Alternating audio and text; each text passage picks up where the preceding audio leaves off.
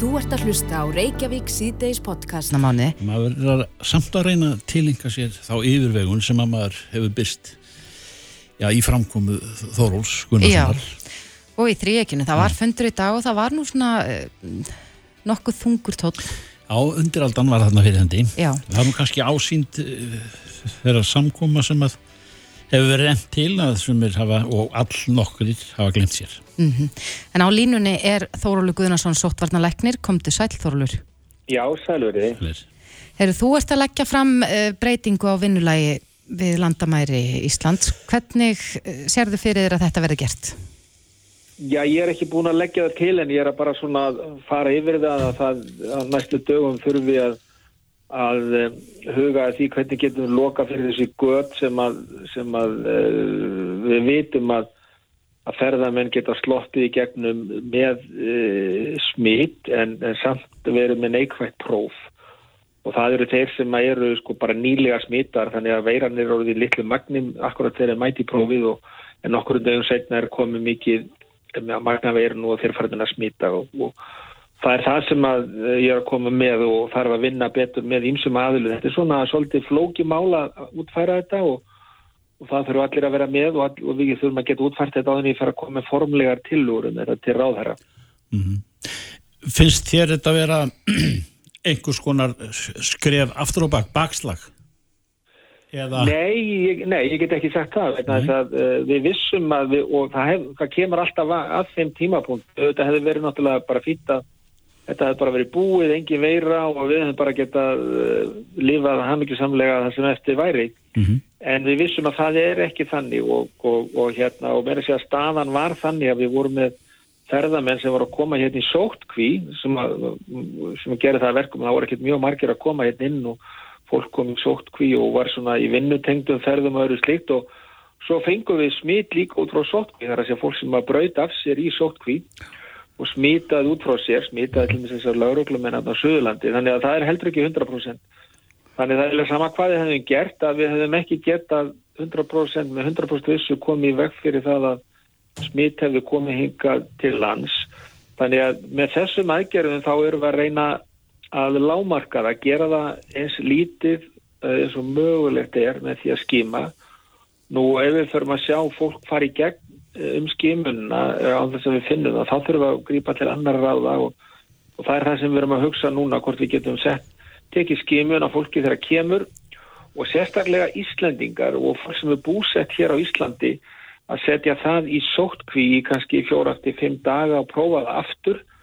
Og þá ætti ef það er með smitt þegar kemur inn og er bara í byrjun og, og, og, og kannski er með smitt en prófið neikvægt að þá ætti prófið orðin jákvægt eftir fjóra til fimm daga. Og þetta erum við að hugsa vegna þess að sko tengslanett uh, og uh, Íslendinga er miklu margfalt meira hér innanlands heldur en til dæmis útlendinga sem er að koma hérna. Og, Heldurðu- og þess vegna erum við að reyna, reyna að hugsa þetta í þá, í þá áttina. Já, heldur telur þú líklegt að þú munir leggja fram tillögu sem þá er þess efnis að, að þetta verði frekar Íslendingar heldur en ferðamenn sem að, þyrftu þá að fara í skimun og síðar sóttkví og svo aftur skimun? Já, ég held að það væri þannig og, og svo, svo bara erlendir, erlendir ríkisborgar sem búa hérna. Mm uh, og nákvæða þetta gerði við líka í upphæfið faraldusins að við settum þessa einstaklinga í sótkví í 14 daga.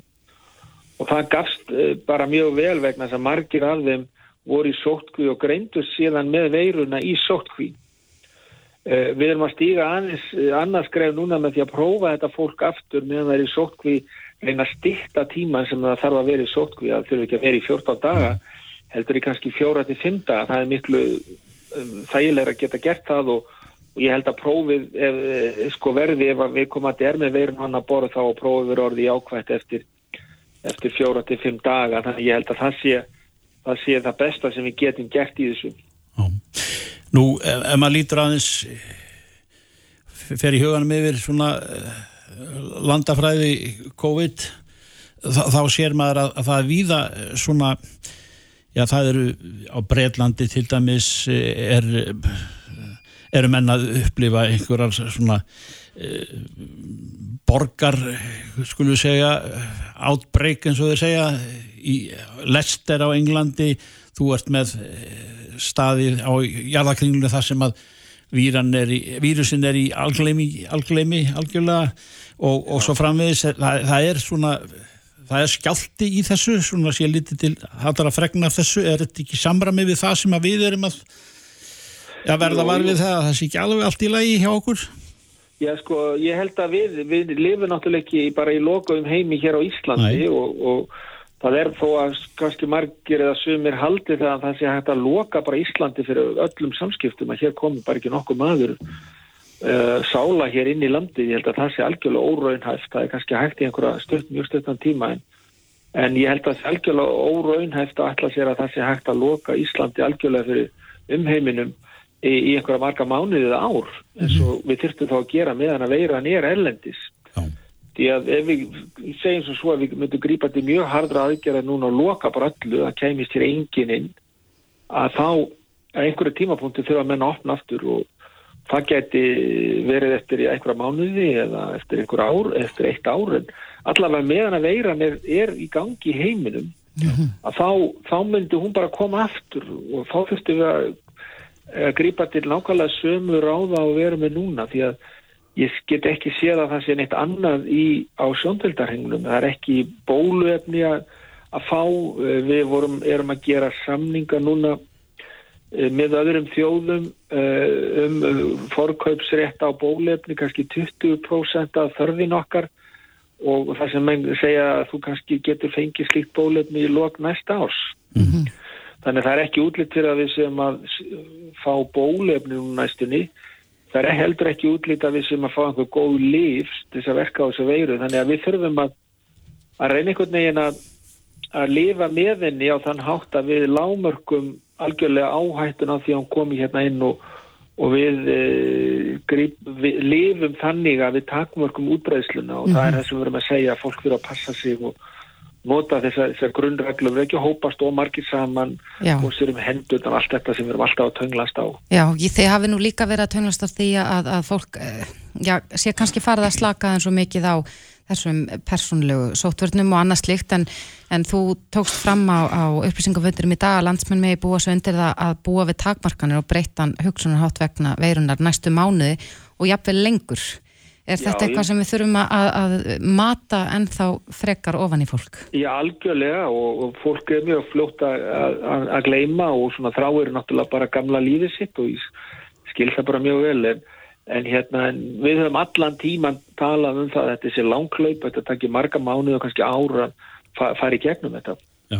Og ég held að við þurfum að, að vennja okkur við það og það þarf ekki að vera neitt eitthvað ömulegt líf. Nei. Það er ekki eins og við sko bara séum lokuð inni, við búum við miklu meira frjálsræði hér, þetta eru flestu önnur lönd. Mm. Og við getum alveg haldið í áfram ef við bara höldum áfram að passa okkur og, og það eru svona fjölda samkomur eins og við sjáum að fólk er að þyrpast saman í partí og vestlur og, og, og, og alls konar samkomur sem að gera sko, smitt dreifinguna mjög öðvelda mm. og það er það sem við verum að vara við og það er það sem er kannski hálf hrættu við þegar mennur að hugsa um sko þessar hérna sumarháttíðir og sem maður er vandur að fara á eða fólk er vant að fara á að ég held að fólk verður að vinna sér bara við það að taka því ró, mjög rólega þetta, mm. þetta árið sko. Þetta er svo fjandi gama Þorólur Já, það er gaman, já, ég veit Já, já, ég veit, ég skil þessar anstæður hvað, hvað er gaman? Og þá, þá þarf maður að kannski taka heldarmyndina inn í, inn í, inn í, inn í dæmi Já, já. Í dag er fyrst í júli, við verðum samt að brosa við, við veröldinni og, og, og, og taka til í til ykkar Já, algjörlega, ég menna við verðum að halda í gleðina og við verðum að halda áfram að lifa og hafa gaman og svoleiðis en En, en við kannski þurfum að gera það bara aðeins með öðrum formerkjum og, og passa okkur aðeins meira en við höfum gert áður. En það getur líka verið bara skemmtilegt. Já, áframsugum að gleðin. Já, Já Þórólur Guðnarsson, sóttvarnalæknir, kæra þakki fyrir þetta. Já, takk, takk. takk, takk. Þú ert að hlusta á Reykjavík C-Days podcast. Gilst mér. En hinga til okkar að komin Breki Karlsson, formaða neitindasamtakana. Kom til sæl. Sæl. Segð okkur frá þessu máli. Já, til okkar leitaði félagsmaður í dag uh, með, og saði farið sína rekki sléttar.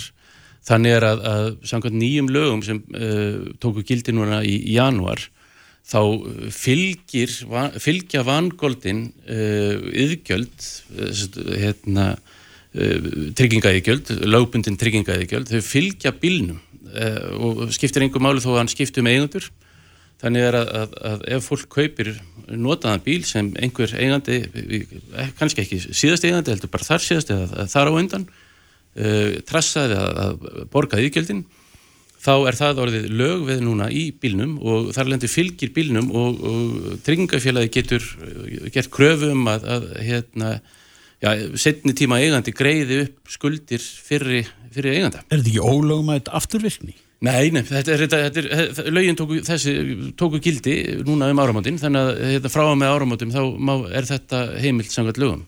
Mm -hmm. En þetta er, í, í framkvæmt er þetta algjörlega galið og, og náttúrulega uh, hérna örgla ekki vilji lögjáðans, ég trúi því bara ekki að, að hérna því að, því að það er engi leið fyrir neytendur að, að, að kaupanda væntanlegan að hérna uh, fletta því upp eða vita það að eitthvað tryggingafélag eigi kröfu á einhvern, einhvern bíl mm -hmm. nema með því að þá að ringja í öll uh, möguleg og ómöguleg tryggingafélag á, á landinu til þess að að kanna það og, og, og þar með þess að er, er, er hérna, koma persónavendalög til söguna því að það er ekkit víst að, að tryggingafélag megi einu svona gefa upp hvort að hérna, uh, það sé skuld á, á viðkomandi uh, fyrir, fyrir eigandur skuld, hafi skuld að hérna, yfirgjöldin á viðkomandi byrjuð. En eru, eru einhverja heimildir fyrir uh, bílasölur til þess að fletta slíkum upp? Þannig að þegar þú kaupir bíla þá getur þú fengið bílasalan til þess að ja, aðtuga til þess og, og eru fylgja þessu þá eitthvað svona vanskila gjöld og annarslíkt? Sko, ég held að þessi, þessi, þessi lögur er í fyrsta lagi sko algjörlega vanhugsuð. Því að, því að hérna, það er ekkit tekið á slíku. uh, og, og uh, fyrirtæki mega ekkit frekar fletta upp hérna uh, persónu upplýsingum um, um, um fólk nema með, með að fengnu leifið þess. Og, og, og, og svo til að svara hinni spurningunni þinni þá, þá er það þannig að, að innheimtu kostnaður megi að megi leggja það líka á. Þannig að við erum með dæmi núna um, um, um skuld sem var ekki há en það er bara hérna, 6 mánuðir rúmir síðan að 7 mánuðir uh, tæpi 7 mánuðir síðan að lögum tóku gildi að hérna og skuldin er 12.000 krónur en innheimtukostnarinn er komin upp í hérna, 16.000 áraðin, áraðin tvöf, rúmlega tvöföld hérna, uppæðlega skuldin mm -hmm. en við sjáum þetta að, að, hérna, að, að þessi, þessi vangaldnu yðgjöld geta fyllt bifræðinni í alltaf tvö ár þannig að við sjá, get, sjáum það í framtíðinni að haldi þessi lög sem ég, ég bara trúi ekki ég, ég bara trúi því að alþingjum leið og það kemur saman aftur þá þá hérna, kýpið þessu í lægin, eh, liðin því að, því að þetta er ekki í lægi uh, Mælur með því að menn láti af bílasölum bara almennt eh, þar til þar, eða með fyrirvarum það að þessi lögur til að breytast Ég held að fólk verði að setja þennan fyrirvara þegar það kaupir sér bíl mm -hmm. að uh, það fylgi ekki einhver hérna, gömul veð uh, bílunum, er bara fólk verður að setja þann fyrirvara núna meðan að það er í þessari óvissu sem það er Og getur þetta sapnast upp, þar sem bíl er kannski 3-3 seldur? Já, þetta getur sapnast upp sko, já, og í alltaf tvö ár. Að, hérna, þetta getur verið, þetta getur verið hérna, ja, bílasölum á, kaup á notuðum bílum skiptir 20.000 á ári hverju. En hvað býra bæki með, með gerð þessara laga? Meina, hvers hagur er þetta? Ég átta mikið á því, ég held að, eða, ég held að þetta hafi verið eh, hljóti að hafa verið einhvers konar handvömm eða þá málið ekki hugsað alveg til uh, hins ídrasta því að, mm. því að þetta er, er bara það, það galið á allan hátt að, að ég hérna ég, ég skilði ekki, vantalega er, er þetta hugsað með, með hagtryggingafélaga í huga að þau geti gengið að veði að bylnum hérna hvena sem er og, og, og hvar sem er og, og, og fram í tíman en, en uh, þetta ætti náttúrulega bara að vera eins og hverjar aðrar kröfur þá í, á þann sem stopnar til kröfunar það er, það er alveg galið að flækja þriðja eða fjóruða eða fymta ah. manni við hérna og svo framvegis. Mm -hmm. Ef ég set upp eitt dæmi hérna, ef ég myndi kaupa bíl og einhver hefur ekki, fyrir eigandi hefur ekki greitt þetta í háaherranstíð, kannski hátt í tvö ár, gæti þá tryggingafélagi krafist sko nauðungarsölu á aukutækinu mínu ef ég neitt að greiða þessa skuld. Já, það er þannig, það er bara þannig, samkvæmt lögunum eins og þeir í dag. og aftur, þetta er, þetta er það galið að, að, að hérna, þetta hlýtur að hafa verið einhver hugsan að vilja sem hefur slæðist hann inn í, í, í lögin alveg óforvarendis. Já, hérna, já. Já, þetta En- hljómar allavega, En, en þú segir, eh, það, er hægt að, að ef ég kaupaður bílbreki, Já, já, ég, og, og við, þann bara fyrirvarum það. já, við hvetjum fólk til þess að setja fyrirvara þegar það kaupir sér bíla því annars er ekki hægt að tryggja það að, að, hérna, en, en svo er þetta náttúrulega líka þannig að, að núna eru hérna, já, margar bílalegur sem að eiga, erfi, eiga í erfileikum og, og margar væntilega þurfa að, að, að hérna, selja frá sér e- hluta flotans eða, eða jafnvel marga bíla.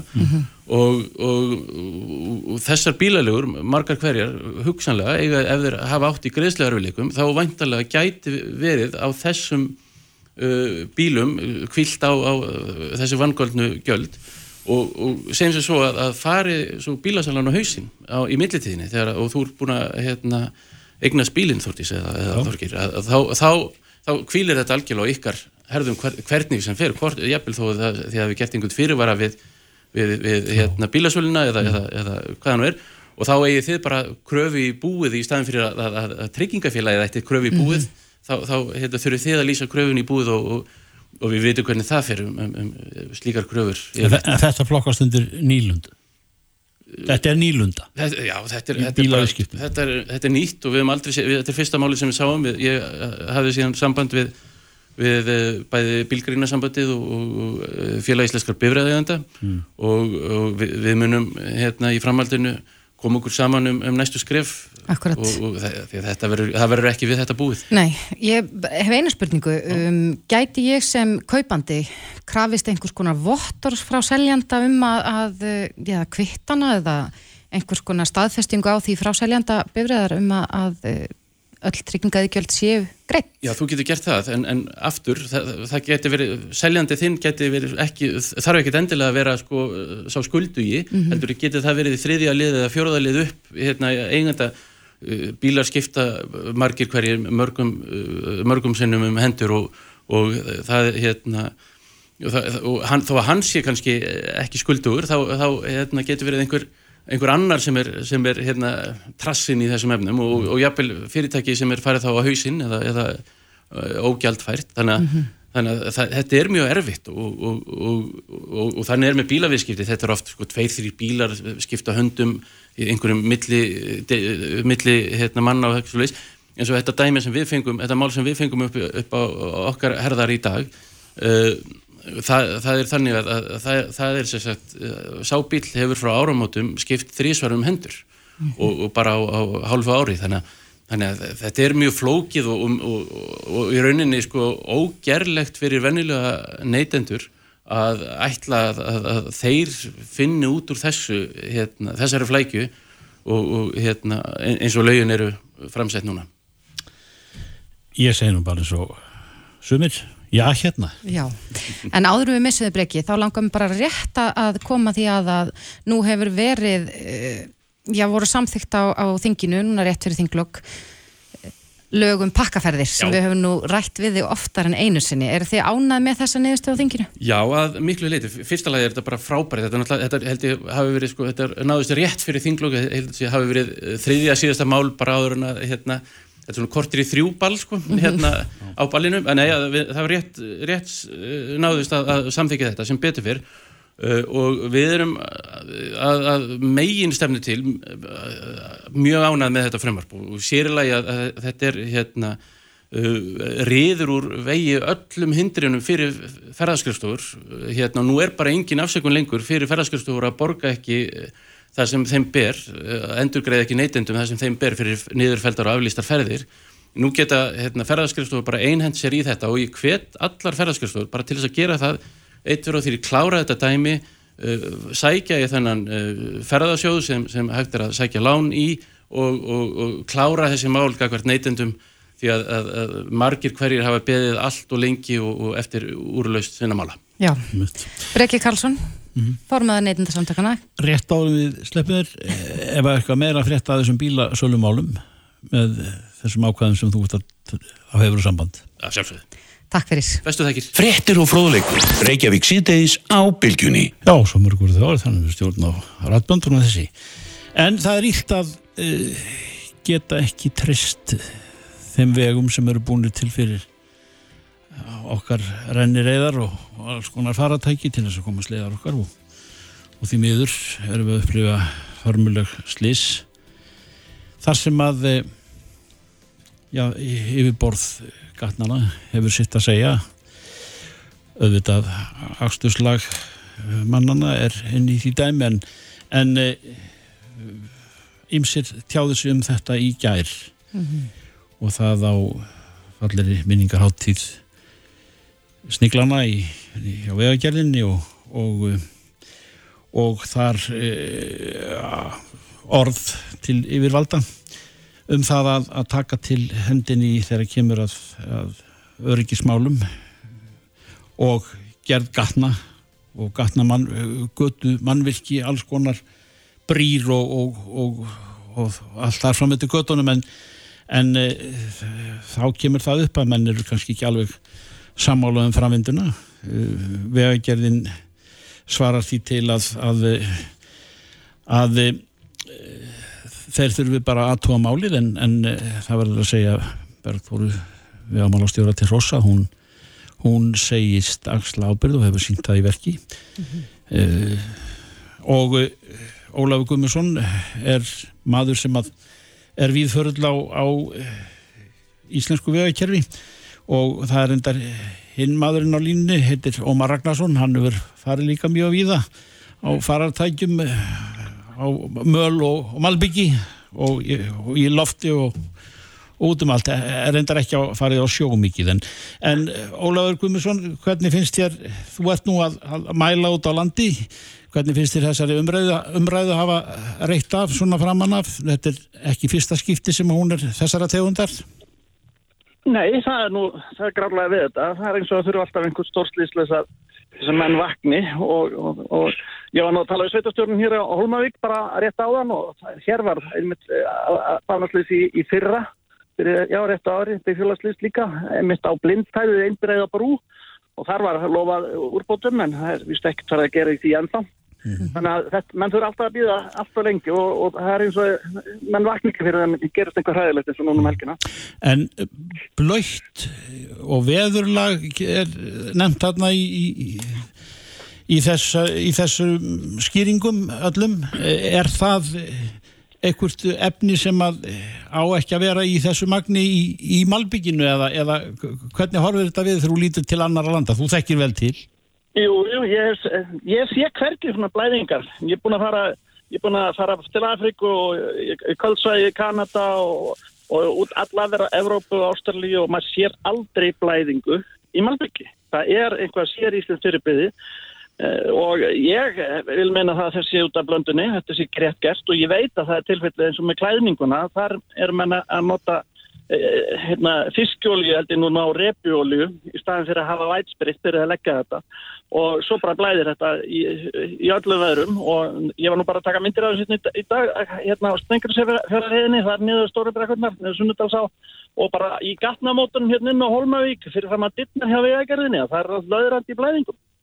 Og það er glampandi sól Og þar með er, er þetta varhuga vest? Þá er þetta flughált og þetta er bara í beginni hérna inn á Holmavík og þetta er mjög algengt að maður sjá í blæðingar í, í klæðningum sko í brekkum og begjum og talangum þegar það er miklu þungaflutningar þá pressast þetta í gegnum möluna.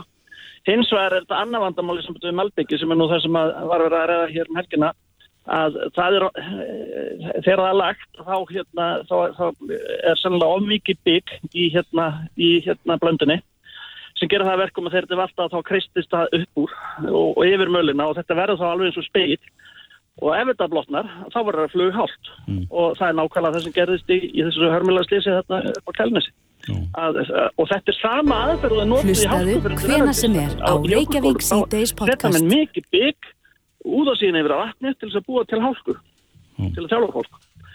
Og, en hérna, hérna er þetta gæst út af vegum og, og með sögmaðarferðum og, og með þessum hörmulega aflegum En uh, maður getur spurt af hverju er þetta það eru deildar meiningar ef maður horfið nú yfir allan akkurinn um, um þetta ágæti eða, eða slemsku þessa, þessa asfalt sem er, er við á göttunum og, er, og speglast í, í góðurinu eh, Ómar Ragnarsson þú ert þarna eh, þú ert sama sinnis, þú, þú þekkir þe- þennan farveg blöytan á hálan. Já, já, nú fann að eh, upplifa hann á alveg nýjan hátt síðustu fimm árum eftir að ég gerðist velhjólamaður alveg frá rafreið hjóli og í gegnum þann flota vegna þess að ég er bara að sjálfur að kanna e, hagkvæmni og e, nót e, þess að þurfi ekki all, alltaf að vera í stórum enkabíl og helst að vera á ráknúnu þannig að ég er fann að kynnast e, vegakslónum til dæmis sem hafa alltaf, virðast alltaf hafa verið afgangsstærð.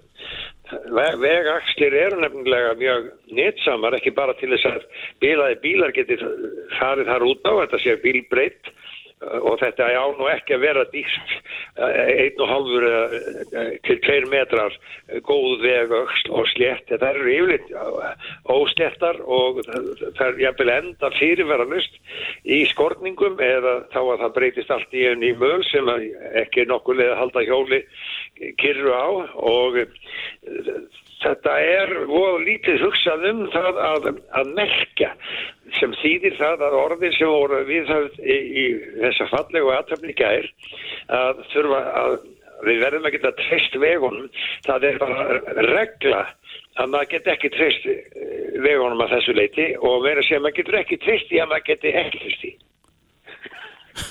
Já, einmitt, en, en, en þá komum við eftir að því að, að þegar að svona hörmuleg slís gerast að, að þá eru, áðan, þá eru deildar meiningar um, um hva- hvað er aðein og, og vegagerðin hún rannsaka sjálf, sjálf eigin verk, Æ, ætíð, er, er einhver annar vettvangur til þess að, að eh, ef einhver áhöld eru um þetta ágæti þessa slitlags sem er lagt með tilherandi speglun við ákveðum veðurskilir það sé einhver, einhver vettangur það sem hægt er að úrskurða um eitt og annað hvað þetta varðar svo þetta kom ekki alltaf sama rullan upp aftur, aftur og aftur Já, sama rullan er bara eitt orð. Ég ringd nefnilega Ólaf í gæri að því ég þurfti upplýsingar um vegastir.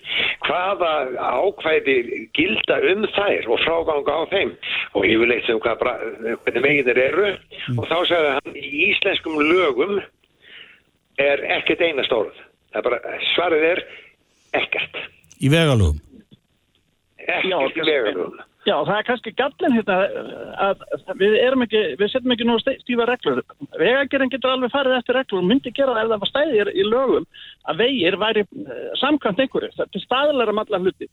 Og eh, að því að nefna um eftirlistofnarnar, það var náttúrulega hugsunin með samgöngustofa á sínum tíma þegar það var saminað allt í, í eitt samgöngufyrirtæki, samgöngustofu, að þá var einmitt gert það að samgöngustofa ætti að vera eftirlitsæðalinn, en svo hefur vegagerinn framkvæmdaðalinn og þetta er sama er í fluginu. Samgöngustofa er með, með eftirlit af fluginu og flugvöllunum, en það er síðan af því að sér ekkur þetta.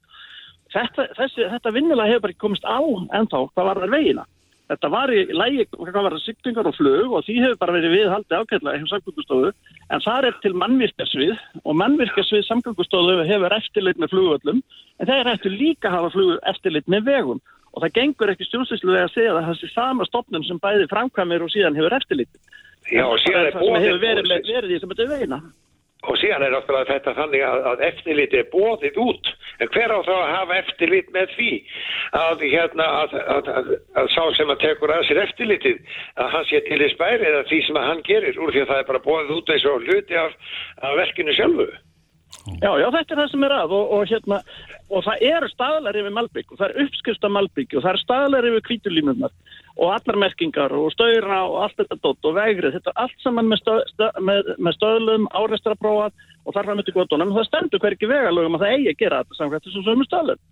Já, vegar er það minntist gert Þú myndist einmitt á kvítulínunar, það er allir sem eh, á velhjólum sem á annar borða leita, leita eftir fróðleik, að kvítulínunar geta við alveg flughálar út af fyrir sig og er stór hættulegar. Síðan er annað sem er algjör afgangstær og það er að mála. Gersnefi er búið að vera ómála núna í nokkur ár og ég lendi þar í áreikstri vegna þess að sá sem kom á móti mér að hann ætlaði sér að fara að klápa niður fyrir sig sem hann átti að auðvitað ekki að gera. Ef það hefði verið hvít lína það var strax orðið var við að hann var að sveigja í veg fyrir mann á móti. En hann sá það ekki vegna hvíturínina þannig að þarna er þetta orðið meðvirkandi og maður spyrir sig sko, akkur er ekki, er, er ekki betri grundvöldur fyrir því að þetta kerfi sé í almennilegu lagi? Og ég get bætaði við Ólafur að ég, að ég komst að því að það hefur verið bóðið út þetta Malbygg hefur verið bóðið út og maður kom með það að það inn frá Rúslandi og, og það væri kall Malbygg það er flutt flutt volt eða heitt Malbygg hérðan allarleið frá Venezuela og hinga norður úr þess, og það verður að vera heitt vegna þess að það þarf að, að síðan að setja það á heitt. En svíjar sjáði hann þessi maður, hann var búin að reyna að, að sækja um uh, þetta þá sögðu það bara, það fekk bara nei hjá veðagerinni, við tökum ekkert kall Malbygg, þegar hann benti þeim á það að, svíjar væru hætti með það þá var það okkur ekkert að svíja en hann benti þeim á það að svíjar væri hættir þessu vegna þess að þetta Malbygg eins og er lagt á núna það er svo viðkvæmt í kringu fósmarkið, það er alltaf að skiptast um hérna í kringu fósmarkið mm -hmm. þess vegna eru Norrlanda þjóðar hinnar þar er að hætta því að vera með þetta heitanmalbygg og flytja það alla þessu vegalinn og flytja enn kallmalbygg og það er að mörguleiti miklu hafkvæmar að segja þessi maður, hann bara kemur á lokuðum dýri á vegagerinni og málið er dött Við komumst ekki lengra að þessu sinni strákar en, en, en e, það, það er greinilegt að þarna er, þarf að horfa í, í í ymsa hluti er varðar regluverkið og umgjörðina. Þegar við að kerðu okkar en annars vegar og þau efni sem er nótið eru og svo framvis og framvis Ómar Ragnarsson og Ólaug Guðmundsson kæra þakkir að sinni. Takk sem að leys Reykjavík síðdeis á bylginni ja, Þetta tókst, þetta er mikið álag í dag. Já, mér skilst að Ísland.is hafi leiðið niðri. Já, þetta var opna fyrir þetta í dag. Mm -hmm. Ef ekki að fá upplýsingar um hvernig dagur hefur gengið fyrir sig. Mér finnst það. Áslöðarna Sigurbjörnsdóttir Dómsmálur á þeirra er á línunni, kom til sæl. Sæl. Sæl verði Er þetta gleði dagur fyrir þig? Það er alltaf gaman að sjá eitthvað verða veruleika sem maður hefur ítt á það mm -hmm. Er, er víðar er víðar á jarðakringlunum sem að þessi tækni nýjung segir til sín með þessum hætti? Við erum bara annað Evrópulandið til að Já. taka þetta ekki í gagnið mm -hmm. um, þannig að ég held að við séum nú mest sem fyrstu sem að ég minnum að, að láta þetta vera veruleika. Mm -hmm. Hver er í fyrsta seti? Það, það kuð vera Nóriður. Já, já. Um, þannig að þau eru búin að þessu og, og við töldum alveg, alveg rétt og tíma bært að við myndum vera nummið tvö. Já, mm -hmm. erstu með brakandi ferskar tölur yfir það hversu margir hafa sókt sér stafrænt aukurskýrtin í dag? Heyrðu, nú er uh, síðan búin að eiga í talsverðum erfileikum með þetta þegar það voru þúsundir smetla á sekundu fyrst þegar þetta kom í gagnið. Ég hef verið eina af þeim. Ó. Þú hefur verið eina af þeim, þannig að það er eitthvað vel yfir 12.000 mann sem hafa núna sótt sér þetta. Já, vel yfir 12.000 í dag. Já. Hversu margir Íslandingar... Það er tímunum sko, þannig að það er röglega hækkar rætt. Hversu mörg erum við sem erum með aukurskýrstinni? Eh, það að gefa nút eh, yfir hvað 230.000 bérréttindi. Mm -hmm. Grunnréttindi sem flestir eru með og hérna þannig að það eru talsvægt margir sem getur nýtt sér þetta og, og það sést bæða á áhugunum og, og hversu uh, mikil umferð var á síðuna í dag. En það var opnað fyrir þetta fyrir í dag og þetta þýðir að rétt um 5% þeirra sem hafa aukurskýrstinni hafa sótt sér stafrænt aukurskýrstinni í dag. Já, og það verður áhverð að sjá hvað hérna þegar, þegar síðan er farin að ráða við fjöldan hvað hvað þetta fer hátt svona fyrstu tónum. Mm -hmm. En það Eru... er eiginlega mikil áhugi og ég fyrir fyrir því að það búið að vera mikil áhugi á að, að fá þetta en það getur þetta einfalda líf fólk svona lítið mál sem hérna, er gert með þessum hætti. Eru fleiri mál svona eh, af þessum toga sem að þú hefur áhuga á að koma í gagnið?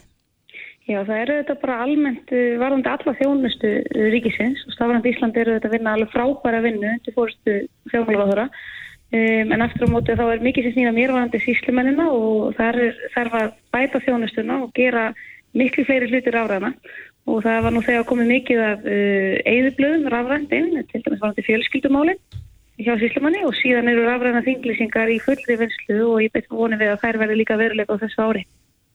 Æjú. Þetta mun að öllum líkindum þá stitta uh, byggtíma eða þann tíma sem að tekur afgreða mál hjá síslimanni til muna? Já, það á að gera það og hérna við erum að færa mjög margt yfir á þetta form og Ísland.is er að taka miklum, mun taka miklum bætingum sem vefsíða til að bjóða upp á þá þjónustu sem þú þarft á að halda þegar þú ert í samskiptinu við ríkið og við erum að alltaf að reyna einfalda þetta ennþá frekar og, og hérna að þú þurfir getur sótt svona þína þjónustu í gegnum símaninn að mestu leiti og þá minkar bæði álag og byggtími og þetta kostnaður e, víða í kerfinu. Finnur þú fyrir velvilja eða öllu heldur áhuga á slíkum málum innan kerfis? Já, það er auðvitað stundum erfitt að snúa hérna, þungum skipum við, en ég finn fyrir áhuga og hann eikst bara með hverjum deginu. Já. Og ég myndi segja að við værum svolítið komið núna á þann stað að það eru allir kominir og farnir að rói sem átt. Mm -hmm. Þetta þarf að hérna, vera svolítið frjóri hugsun, hvað getur verið rafrænt, hvernig það getur verið. Það gefur líka óbúslega tækifæri varandi störfa á staðsetningar. Það er að finna ímsi þeirri rafrænu þjónustu út á landi eða hvar sem fólk vil starfa við hana og gefur okkur svolítið, svolítið rými til að hugsa síslumarsembættin út fyrir bóksið.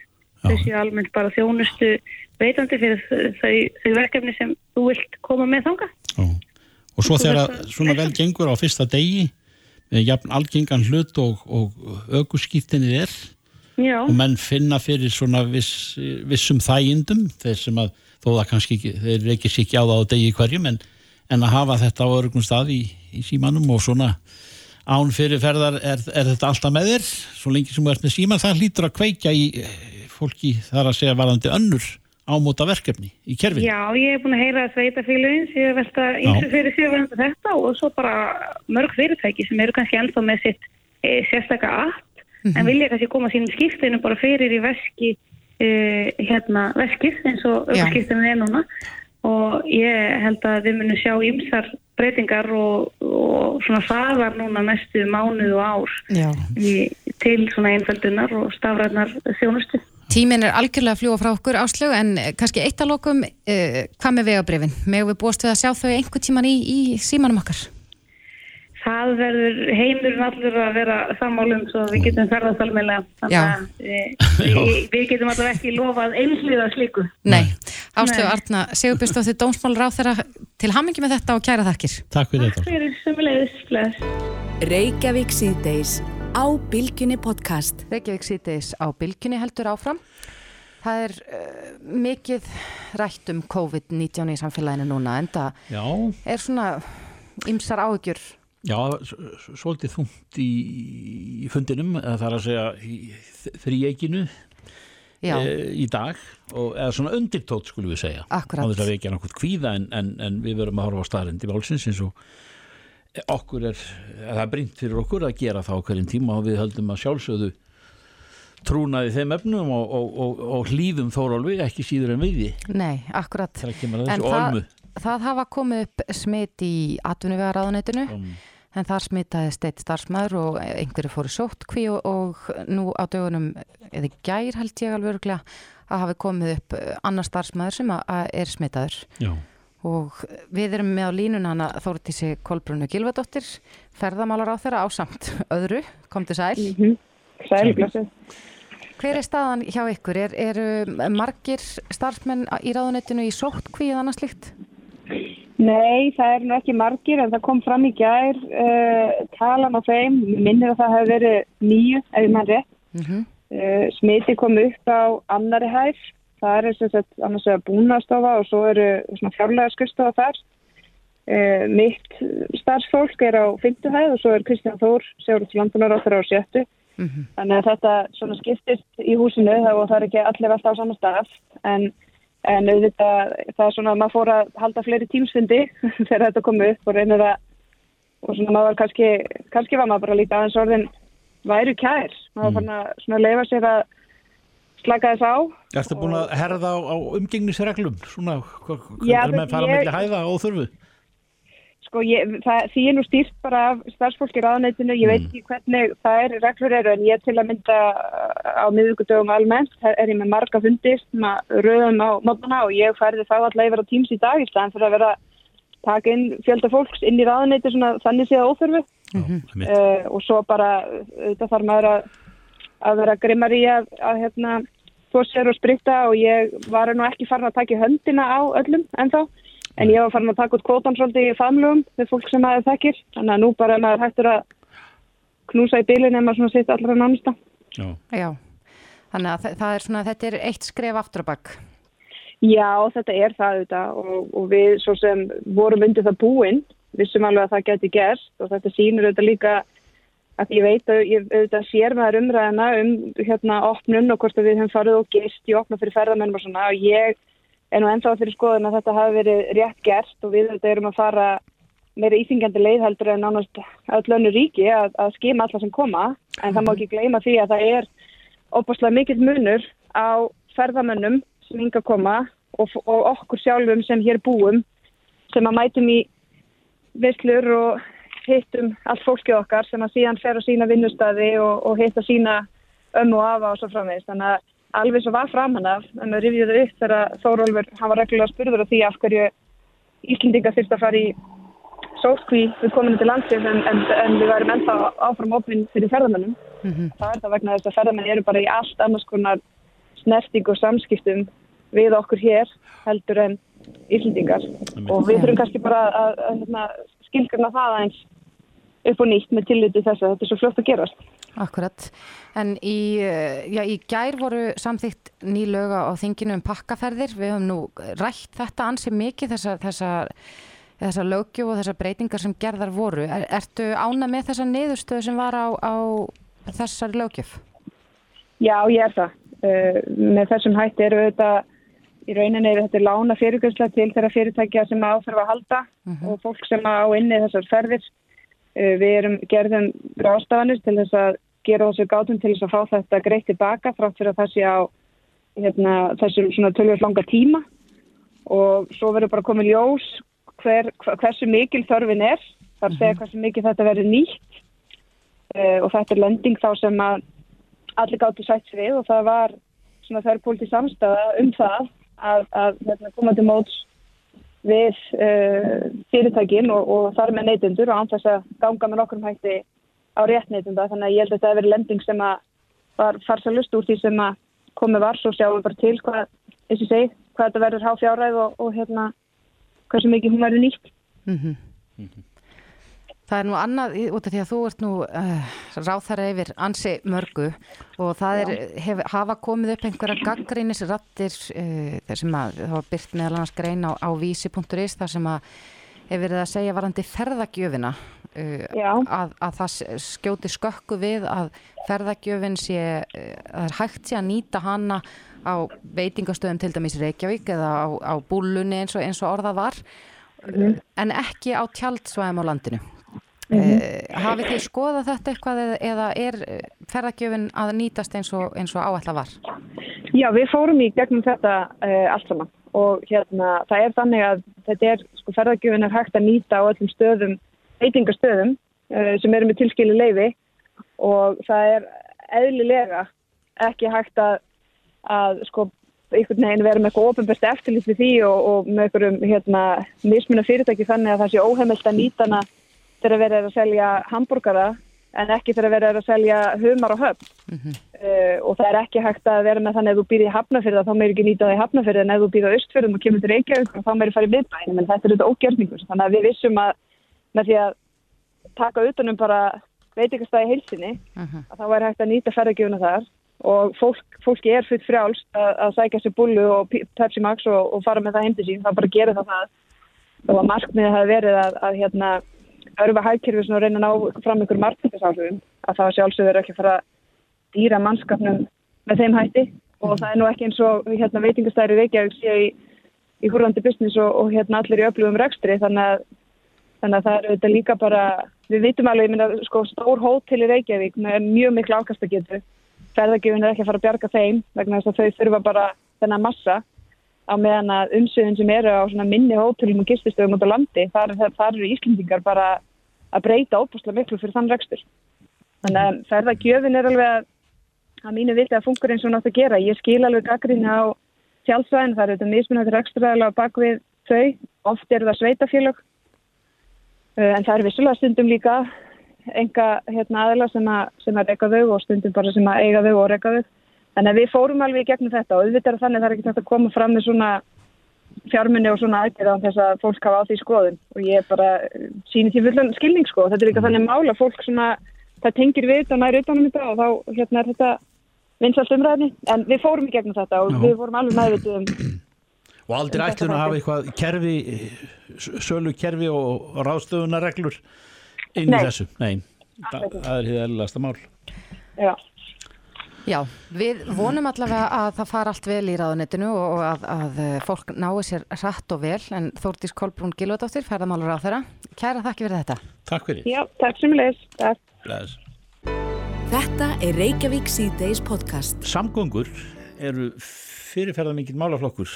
Það hefur tekið eftir í, í þinginu sem að nú er komið í sumafrí en eh, óvenja, það, það er óvenjulegt að, að, þessi málaflokkur eins fyrirferðarmikill og hann er nú í þjóðlífinu með okkur öll húrrand eftir kerfinum að, eh, að það hafi ekki, en það er ímislegt sem ræður því að þetta var svona mikið rætt. Við skulum drepa niður það sem heitir flugið sem að hefur verið svona kannski heldur hljóttum síðustu, já síðasta misserið.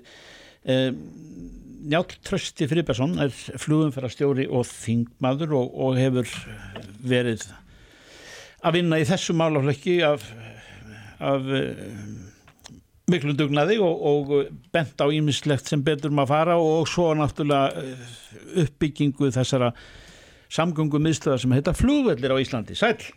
Já, sælur þið. Gott að heyra ykkur. Um, samgöngar að það sagði í morgun hérna á bylginu í vitinu að, að e, það væri komin tími til þess að taka til hendinni núna þegar flugvellir eru annars vegar. Hva, hvar eru við stödd annars staðar en að þeir eru óanæðir á akkurir með það að hafa ekki ítalegri plön fyrir framann sig nú á síðust og vestu tímum og, og sömu sögur að segja um eigilstaði en, en það er vinna í gangi í þessu, eða hvað? Jú, það hefur verið meiri reyfing á þessum málum núna heldur en um árabil.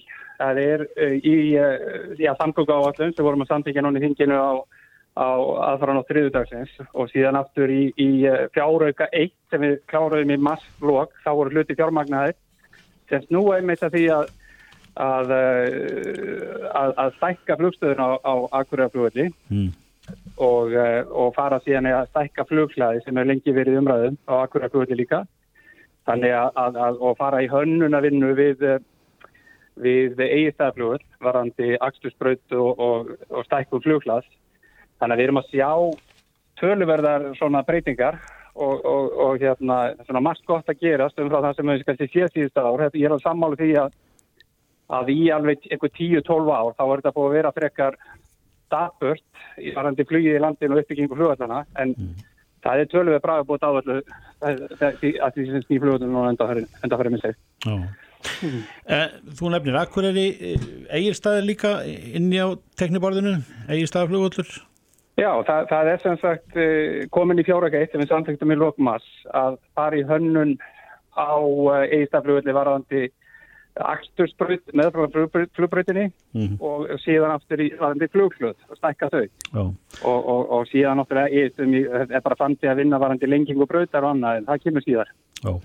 En þetta er nú allt tengt eh, sko ferðarþjónustunni eða, eða það, það er með vaksandi ferðarþjónustu sem að nú hefur náttúrulega eh, dottinir á hnjén í COVID-inu en uh, þá, þá hefur þetta verið mikill áhugi í landinu fyrir því að, að, að flugvélar geti lent víðar en bara á minnuseginni síðra. Já, já, auðvitað er þetta margþætt. Þetta snýr náttúrulega að, að búa til aðra gáttir inn í landið, varandi ferðarþjónustuna, þannig að byggja upp aðra gáttir inn í landið eins og Akureyri og Ístöðum og, og mögulega þá síðan meir öðrum stöðum líka.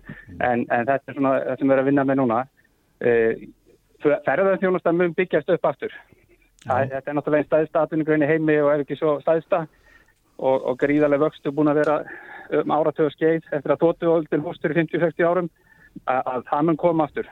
Þannig að, að, að hérna, við skulum ekki, ekki gefa upp uh, vonina með það. Emi, nei, nei, Nei, en mm.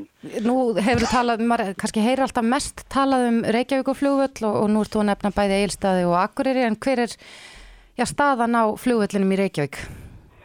Já, það er nú það. Það er svona það sem ég hef verið að gera aðtöfnandi við og ríkis, ríkis eða samgöngur á þeirra fyrir hönd ríkisins skrifa á samkomulega við Reykjavíkuborg í, í nógumbi síðastleinum um að, að flugvöldinu verði reykjum þar með sama hættunni í dag getur jafngóður að betri kostu finnst í, í nákvæmlega borgarinnar.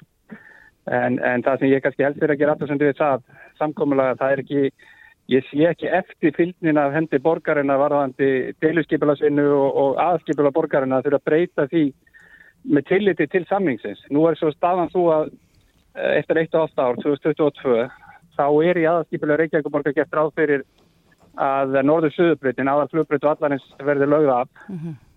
og það eru átjá mánuðir í, í það. Þannig að ég hefði nú viljað sjá menn raunlega klára þetta einhverju viti þannig að þetta væri í skipulags, gett ráð fyrir þessu í skipulagi borgarinnar að, að, að, að öllurinn standi það sem hann er, þannig að annað jafn go- gott eða betra Mm. kemur upp annar stað.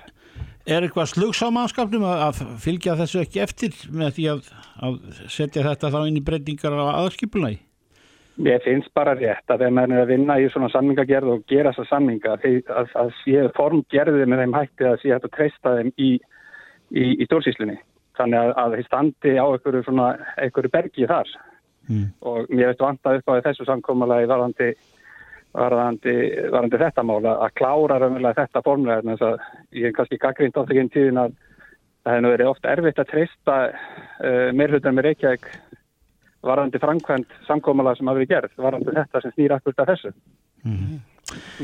Já, en, en uh, það var nú samgöngur á þeirra tók nú til hendinni og, og, og setti þetta í ákveði far sem að ætlast er til að, að menn allir standi við.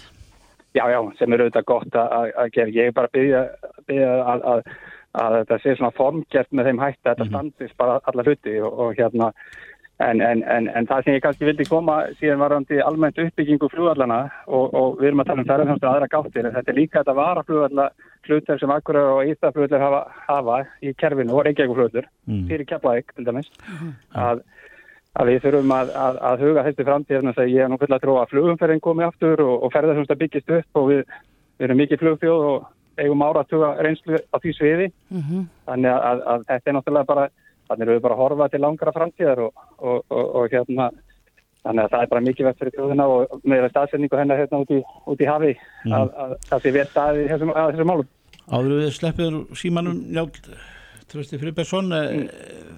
Það var hér fyrir ári síðan talað mikið um, um skorskuleðina, nú er ég að tala um bara okkar ferðalög.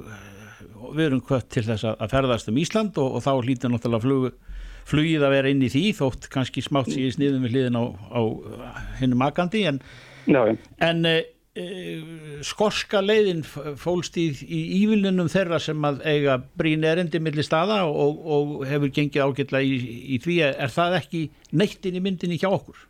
Jú, jú, það er alltaf að gerast og þetta er eins og við marg, höfum nú tekið nokkuð sem fyrir í þættinum hjá ykkur rætt þessu skosku leið að, að fyrir einu og hálfa ári þá skilaði starfsóku sig í leiti gíslu sem snýri með staðis flugvallakerfi okkar og, og síðan skosku leiðinni. Og eh, raunlega þessum hugmyndir sem komu fram í þeirri skíslu það eru að verða veruleika og eins og með skosku leiðina þá, þá er hún bara að taka gildi núna eftir tvo mánuði, 1. september. Þannig að það byrja núna bara er, er að detta inn og þá er þetta fyrir, fyrir þá íbálansins með lögheimili í ákveðinu fjallaði frá borginni sem er að sækja þá þjónustu og, og þá sem borginni er og heilbyrðisjónustu og slíka þætti. Nákvæmlega. þannig að, að, að það horfi bara, bara mjög vel. Það er kannski rétt í þessu að benda til þess á ég, ég skoða þetta þegar við segjum samkettnum í bílinn þetta sé lítið. En það er nú þannig að yfir vetramánuðina í, í, í, í mesta skamdeginu og þegar veðrin geisa að, að það voru fleiri sem að fljúa með lagur reykjaðugur í þarfæð heldur keira í bílum á milli Mhm. þannig, að, þannig að, að, að þetta er gríðarlega stórt og mikilvægt að halda þessu kerfi almennilega gangandi það er bara þannig í okkar samfélagi að fólk eldist, það verður hrættar að keira í, í myrkri og vondu veðrum og, og, og, og, og þetta er bara er gríðarlega stóru mikilvægt þáttu fyrir landsbyðin að þetta sé í lægi þessi, þessi samganguleið sem flugið er innan þess. Já, já, trösti, kæra þakki fyrir þetta Kæra Takk, þakkir takk ykkur. Bless, bless. Þetta er Reykjavík C-Days podcast. Reykjavík C-Days á bylginu heldur áfram. Við töluðum um hérna í síðustu viku þennan myndskreitta strætó, ljósmaðuravagnin, Mhm. þar sem eru þessi skemmtilegu orð við tökum á móti þér Já, og hann er myndskreittur með, með já, svona teiknimyndum af, af uh, fæðingu Já, það er oft skemmtilegar upplýsingar að hafa á strætó Já, algjörlega. og um, um, um daginn og veginn og lífið, tilveruna En, en það, það var nú ástæð fyrir þessu og en núna virðist það er ekki allir sáttir með þennan strætó en, en Vigdís Haugstóttir borgarfulltrúi miðflokksins segir hérna á Facebook hverju á að ná fram með eh, svona auðlýsingum og er já, hissa og nexluð í senn. En á línunni er Áslög Valstóttir, hún er formaður Ljósmarafélags Íslands, kom til sæl Áslög. Sæl. Já, komið blessuð. Já, varstu búin að undirbúað undir að fá gaggrinni eh, fyrir þe- þennan vagn? Já, já, ég átti alveg vona á því að þetta færi mismunandi, misvel í fólk. Mhm. Þannig að þetta kemur mér svo sem ekkert á óvart. Já. En við, núna segir hún að, að nekt sé mjög viðkvæm hjá mörgum hópum í samfélaginu og þetta blasir við börnum sem nota strætó sem eiga að vera framtíðar kúnar borgarlínu. Hvað hefur einhver svör við þessu? Ég eiginlega skil nú eiginlega ekki þess, þessa lógik sko, en allavega þetta er náttúrulega bara gangu lífsins, fæðinga gangu lífsins, flestir hafa fæðist á þennan hátt. Þetta er ekkert merkilegra heldur en bara hvað annað og mér finnst nú, að, það er allt mögulegt sem við sjáum í samfélaginu sem að blasi við sem að er allavega og, og þetta er bara eðlilegu hlutur. Já. Ég sé ekki til neitt aðhugast í það, þetta er bara það sem að flesti gangi gegnum, flesta konu gangi gegnum og svo flest, flesti sem fæðast gangi gegnum. Se- Segðu mér, þetta var Það er þarna, að við gera þetta fleiknumynd. já, en ljósmæra strætón hann var gerður til þess að í raun og vera vekja aðtekla því að, að árið 2020 er tilenga hjúkunarfræðingum og ljósmærum ekki satt. Jú, það var þannig að alþjóða heilbríðstofnum tilengaði árið ljósmaðurum og hjókunarfræðingum eins og þú segir. Og við, okkur langaði til að gera eitthvað svona til að vekja aðtikla á okkur og svona eitthvað skemmtilegt popp eitthvað upp og svona hvað við getum gert. Og við erum búin að gera ímyndlegt bæði sameila með hjókunarfræðingum og eins ljósmaðurfélagið sér og við erum til dæmis með Instagram-reikning sem að segir svona frá, heitir ljósmaður líf og við erum með félagið líka með annan Instagram-reikning sem er meira svona fælegur Já. og svo kom þessi strætó hugmyndi upp og, og strætó tók mjög vel í þetta og, og fannst þetta skemmtilegt og, og við vorum að vona að flestu fyndist það. Hefur, hefur svona kynningarmáti verið viðháður einhver starf annar staðar, í nákvæmlega löndunum til dæmis? E, sko ég man ekki betur en að fyrir nokkrum árum þá hafi verið svona vagn í Danmörku, í Já, Kaupanhöfn. já ég mm minnir það líka. Var það rætt áður en að vagnin fór á stað að þetta gæti farið fyrir á einhverju með þessar, þessar tekningar? Já, já, það var alveg gert og, og hérna við gerðum alls konar breytingar á teknikunum til þess að reyna að hafa þetta svona Pent. meira pent, já. Var einhvern tíman í hérna- umræðin að hafa ljósmyndir? Nei, þú veist, við þetta átti allan tíman að vera einhvern veginn svona eh, ekki, ekki alveg raunverulegt, sko, þú veist, svona bara te teiknað. Svona tákrænt kannski. Já, táknað í rauninni meira. Enda slagorðið mjög skemmtilegt. Við tökum á móti þér því að Nei, ljósmæður... við tökum, nei, nei, við tökum vel á mótið þér. Já, við tökum vel á móti þér, akkurat. En var það, var það þarna, tilviljuna að ljósmæra strætóin skildi halda af stað frá spönginni? Sko, það var nú pínu enga húmor hjá okkur bara í stjórnfélagsins, okkur fannst það mjög skemmtilegt og nei, ég veit ekki hvort það var tilvunni, nei, við skulum ekki, ég held ekki. Nei, en þið eru bara, uh, bara standið keikar yfir þessu og, og haldið þessum strætisvagni eh, gangandi. Já, já, að fólk náttúrulega hafa allir rétt á sínum skoðunum og fólki finnst allt mögulegt og það er bara allt í lagi. Já, Áslaug Valstóttir, formaður Ljósmærafélags Íslands, kæra þakki fyrir þetta. Takk fyrir þetta. Takk sem leiðis. Þetta er Reykjavík C-Days podcast.